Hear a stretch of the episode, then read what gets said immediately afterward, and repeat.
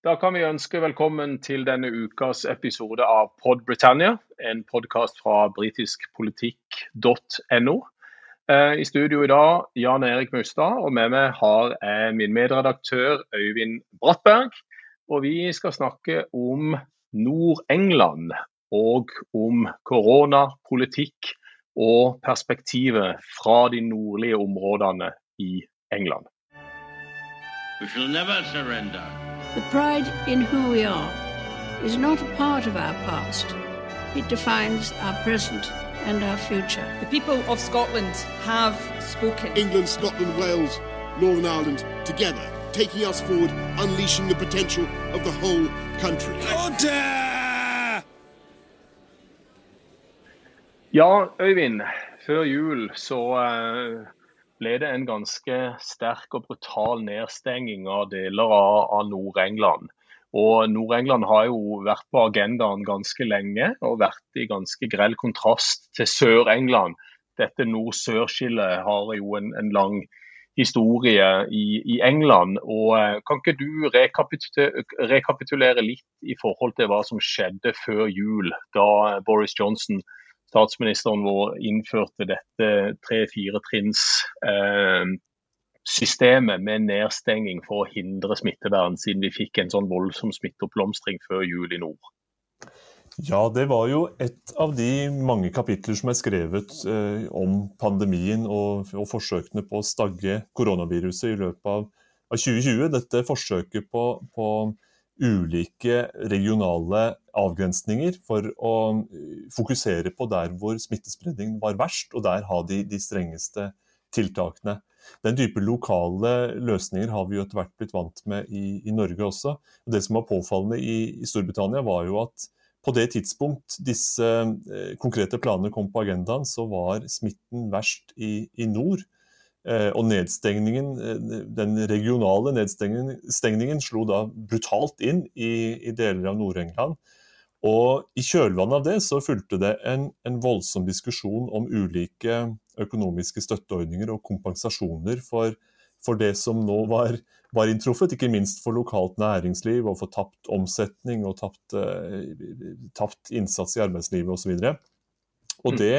Konkretiserte jo eh, en, en, sånn spenning mellom nordlige deler av, av England og, og, London, altså myndighetene i London, som, som vi er veldig godt kjent med fra, eh, fra nyere politisk historie i Storbritannia, så er denne spenningen stadig eh, synlig. Men ekstra mm. interessant nå, fordi Boris Johnson som statsminister har forsøkt å gjøre nord til sitt eget domene og til det konservative partiets domene, og da står det ekstra mye på spill. Ja, de gjør det. Og, og, Nå tror jeg kanskje vi skal gå tilbake litt eh, enda mer i tid, til, til, valget i 2019. For det var jo veldig mye snakk om den røde mur. Og vi vet jo at Nord-England tradisjonelt har vært eh, Labour-bastioner. Eh, spesielt i byene i, eh, i uh, The Midlands og, og i nord.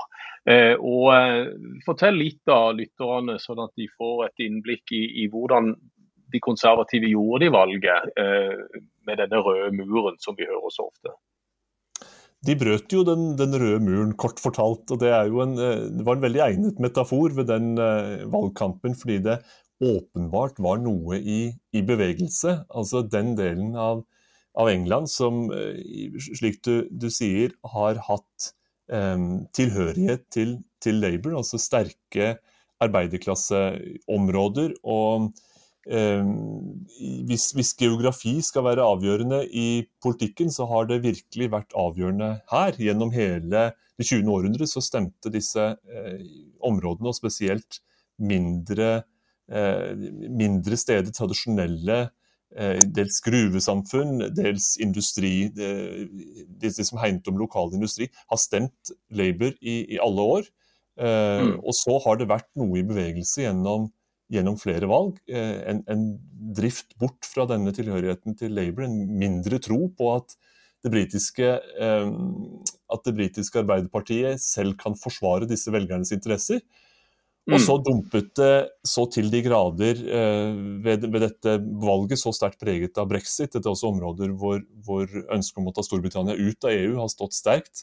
Boris Johnson klarte å lokke en så stor andel av disse velgerne over i den konservative folden at det som alltid har vært rødt, nå i overraskende stor grad ble, ble blått. Det konservative partiet fikk representanter det, det ikke tidligere har hatt i denne delen av England. Mm. Og når man bryter et hundreårs hegemoni, så, så, så, legger det jo veldig sterke føringer på politikken som, som, eh, som følger også.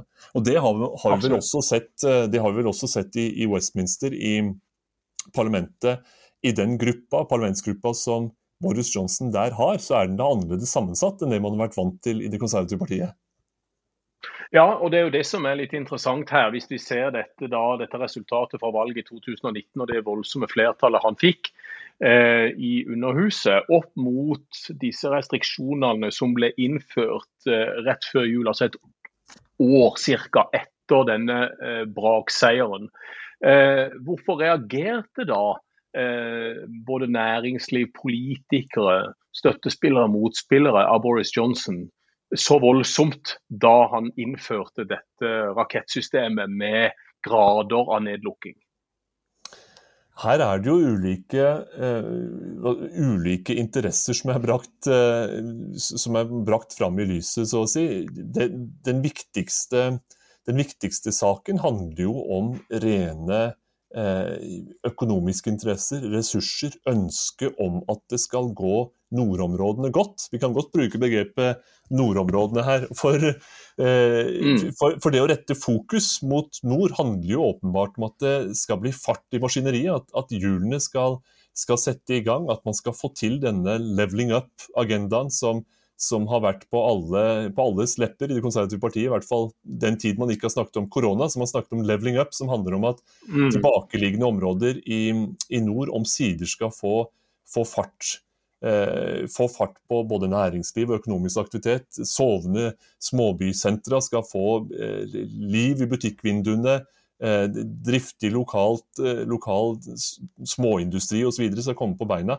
Alt dette har, vært, har, det vært snakket så mye om. Og, og når man da på et vis slår pendelen i en helt annen lei og rett og slett stenger ned samfunnet en tid uten å ha noen klar plan for, for hvordan det skal igangsettes, så blir protestene, protestene høylytte. Og bekymringen også stor, vil jeg si, fordi Boris Johnson og, og hans um, partistrateger er nok klare over at det er en eventyrlig gevinst de har gjort i å vinne disse velgerne over på sin side. og et et tredvetalls parlamentsmedlemmer som knapt noen hadde forestilt seg ville, bli, ville lande på deres side. Og det å beholde dem, og det å klare å konsolidere nye, det nye politiske flertallet, betyr veldig mye for, eh, for hans parti.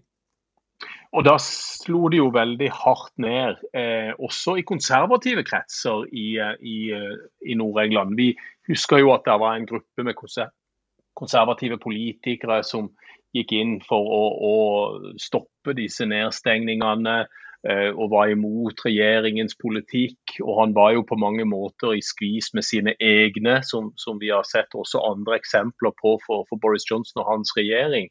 Eh, hva var det disse konservative politikerne spesielt i nord reagerte på da, som, som da tross alt eh, var konservative politikere?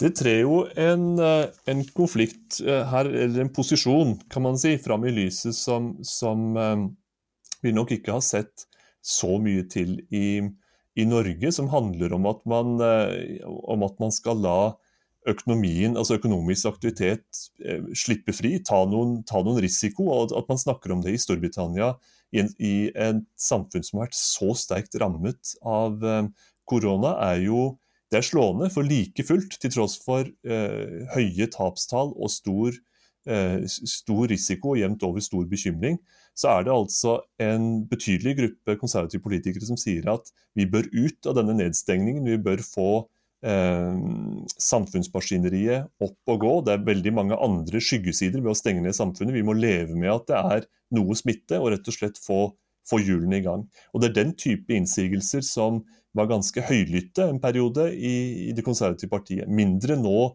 etter nyttår, hvor de nye mutantene av viruset har, blitt, uh, har vist seg såpass skumle osv., så, videre, så er det mer tålmodighet, kan man vel si, med nedstengning og, mm. og påvente av at man får vaksiner i, vaksiner i gang, eh, og, og, får de fulldistribuert. Men i en tidligere fase så var bekymringen sterk for at det å stenge ned, det, det bremser så mye på, på, alt det man skulle ønske seg å gjøre, at, at, vi må ut av dette så fort som mulig.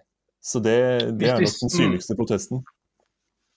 Ja, eh, og, hvis vi ser litt på, på disse skillelinjene her. altså På den ene sida ønsker selvfølgelig om å stoppe dette viruset og alle disse mutante virusene som nå kommer, eller muterte virusene som nå kommer, eh, og holder det opp imot den økonomiske friheten. Dette med leveling up, som du nevnte, i forhold til at disse litt tilbakenforliggende områdene skal komme opp på et økonomisk nivå som, som eh, har vært etterlengta i, i, lang tid. Dette er jo på mange måter nå i den situasjonen de er. og Storbritannia er jo et av de verst ramma landene eh, i forhold til dødsfall eh, også. Hva kunne Boris Johnson ha gjort hvis vi ser tilbake igjen til før jul? Hvis vi ser nå hvor, hvor, på en måte der er, større aksept for at han, at han, er nødt til å stenge ned store deler av samfunnet. Vi ser det samme i Wales, vi ser det i Skottland, vi ser det i Nord-Irland fordi at dette sprer seg så fort. Men, men, men, å være i dette skismaet mellom en økonomisk frihet, leveling up, i disse områdene som, har, har vært eh, såpass belasta lenge, og det med å stoppe viruset. Hva, hva, kunne Boris Johnson ha gjort her, og hva bør han gjøre, kanskje? Og, og Det er et, eh, et, et, spørsmål det ikke finnes noe godt svar på, tror jeg. For, for den skvisen er uh, uunngåelig. Den skvisen mellom, mellom uh, smittevern på den ene siden og, og, fri samfunnsaktivitet på den andre siden. Den, det er et dilemma som er, som er i prinsippet uløselig.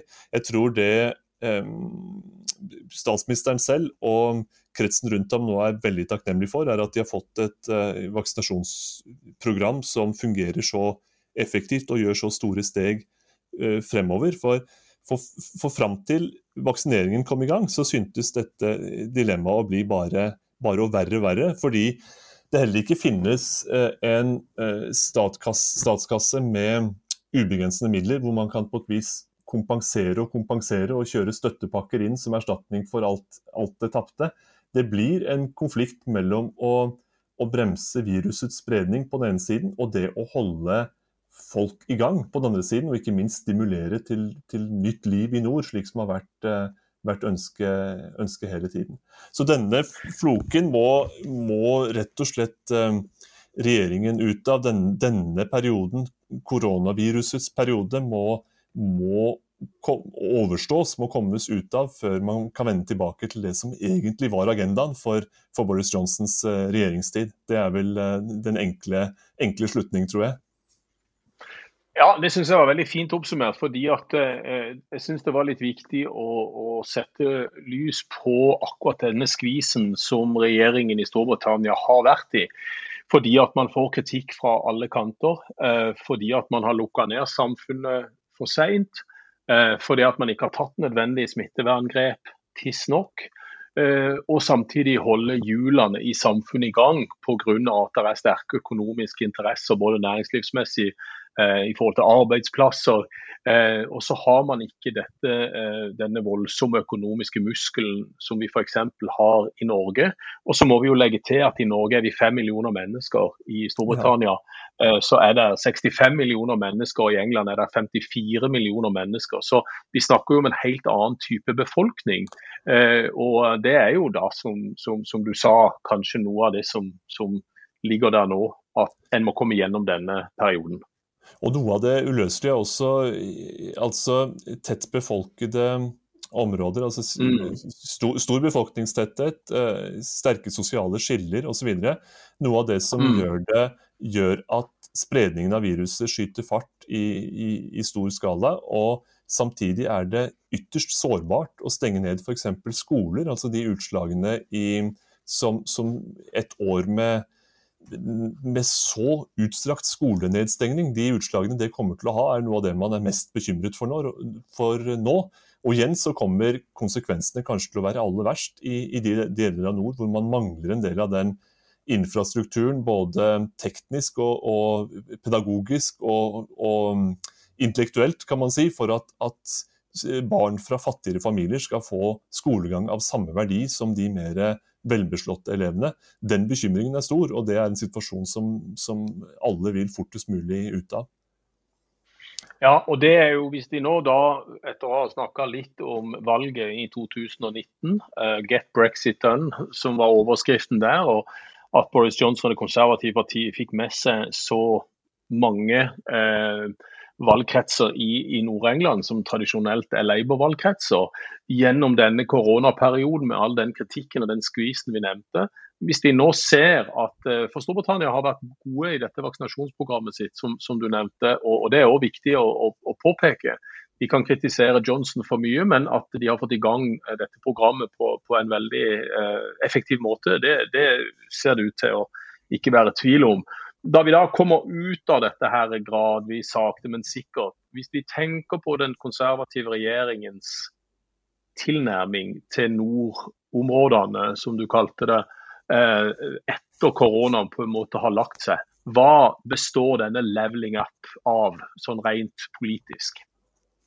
Det, jo, det dreier seg om en mer eh, en eh, offensiv næringspolitikk og, og offensiv velferdspolitikk kombinert med, mm. med politisk sunn fornuft, fedrelandskjærlighet og, og, det å gjøre det beste ut av brexit. altså det beste, Gjøre det beste ut av den alenegang som Storbritannia nå har muligheten til, i, i form av, av, nye handelsavtaler og økonomisk spesialisering, og det å gripe, gripe mulighetene. Så utsynet fra nord symboliserer jo en ganske stor del av det brexit-budskapet har, har handlet om. Uh, to, to, make Britain great again, for å si det med, mm. med litt lånte, lånte, ordelag. Jeg vet ikke, hvordan, mm. hvordan, ser du utsiktene hvordan vil du si utsiktene ser ut for den agendaen når man omsider kommer ut av uh, pandemien? Nei, Det er jo det som er det store spørsmålet. Hvordan brexit eh, vil slå ut når, når pandemien begynner å ebbe ut. Eh, får vi en negativ økonomisk utvikling i hele Storbritannia, som også gjør at denne leveling up-politikken som regjeringen la vekt på i 2019-valgkampen, og et ønske om å få hjulene i gang på en litt annen måte i nord eh, enn det det har vært på lenge, eh, blir det stoppa av en liten resesjon, altså dårlig økonomi, økonomisk tilbakegang pga. brexit. Eh, det er jo det som er det store spørsmålet. Og For meg så virker det som perspektivene i nord allerede nå gjennom koronaepidemien, så får vi se om det vedvarer, er en skepsis mot den konservative politikken. Det har det jo alltid vært. De har jo vært skeptiske til konservativ politikk i alle år, og har dermed vært tradisjonelle Labour-områder. dette her. Så jeg er veldig spent på å se hvordan brexit-utslag, eh, handel, Eh, skole, eh, velferd, som du nevner, helsevesen. Eh, jeg tenker kanskje spesielt på skolepolitikken, for, fordi at vi har jo sett at disse skolene har vært utarma. Lite statlig eh, tilskudd på, på ja, mer eller mindre over hele fjøla. Så, så det, det, er mange områder her som, som eh, det skal bli spennende å, å, følge med på. Jeg tenker at det, kanskje det spesielt interessante her er skolepolitikken, som vi nå har sett under koronaepidemien også har stått på agendaen. Eh, spesielt i nord, hvor, hvor fotballstjernen Marcus Rashford har gått inn og, og, ringt Boris Johnson flere ganger og sagt at han må sørge for at disse fattige områdene har gratis skolemåltider. Og Det er jo en, en, en, eh, ja, et eksempel på at det, det, står dårlig til, og enda dårligere til i disse koronatidene. Det er jo eh, mange valgforskere som er forferdelig interessert i det som skjedde ved, ved forrige britiske parlamentsvalg, og den omdreiningen som gjorde at klassepolitikk tilsynelatende forsvant, og en, en form for eh, verdi basert valg tok over og ble viktigere i stedet, slik at mange fra lavere samfunnslag støttet eh, høyresiden mot, mot normalt. Eh, og da med brexit-spørsmålet som, eh, som, det overhengende og den store, store, saken som man vurderte partiene ut fra. Og Det er jo, det, det man nå og da kan spørre seg, er jo hva som skjer i, i uh, de årene vi har foran oss, og i påvente av neste valg. For det virker jo som at uh, klassespørsmål og, og, fattigdom og sosial utjevning og slikt, det kommer jo tilbake inn, inn bakdøra. og Da blir det jo til syvende og sist et spørsmål hvilket av de to store partiene som best kan tale disse menneskenes sak og vise at de kommer dem i møte og faktisk kan gjøre noe konstruktivt for de områdene de, de bebor. Og der er det nok et, et mer åpent lende enn det umiddelbart så ut etter valget, der eh, en, liksom en, en, flodbølge av støtte hadde båret fram Boris Johnson og, og hans regjering. Nå ligger det nok an til eh, at det kan bli en mer åpen diskusjon hvem som er best til å drive gjenreisningspolitikk i nord av Boris Johnson og Keir Starmer. Ja, helt enig i den refleksjonen der. For, fordi at eh, vi ser bevegelser i, eh, i velgerskaren. Det har vi jo sett lenge, at høyre-venstre-aksen eh, er bevegelser her. Og tradisjonelle arbeiderklasse ikke nødvendigvis eh, stemmer Labour lenger. Og at heller ikke eh, tradisjonelle konservative velgere bare stemmer konservativt. Så det er bevegelser her mot identitet, mot tilhørighet Brexit er et eksempel på det som du nevner. Og Det er jo andre eksempler også knytta til unionen. Eh, de fire landene i unionen eh, de er ikke nødvendigvis like sammensveisa som, som, de har vært tidligere. Så her er det veldig mange spørsmål som gjør at eh, velgermassen er i en slags bevegelse. Men avslutningsvis Leveling up i nord eh, kommer til å bli en formidabel uh, utfordring uh, da etter koronaepidemien også er, er, ferdig. Det kan vi vel være enige om. Det kan vi være enige om. Og at politiske, den politiske tvekampen fortsetter der oppe, kan vi nok også regne med i, i årene som kommer. We shall never surrender. The pride in who we are is not a part of our past. It defines our present and our future. The people of Scotland have spoken. England, Scotland, Wales, Northern Ireland, together, taking us forward, unleashing the potential of the whole country. Order!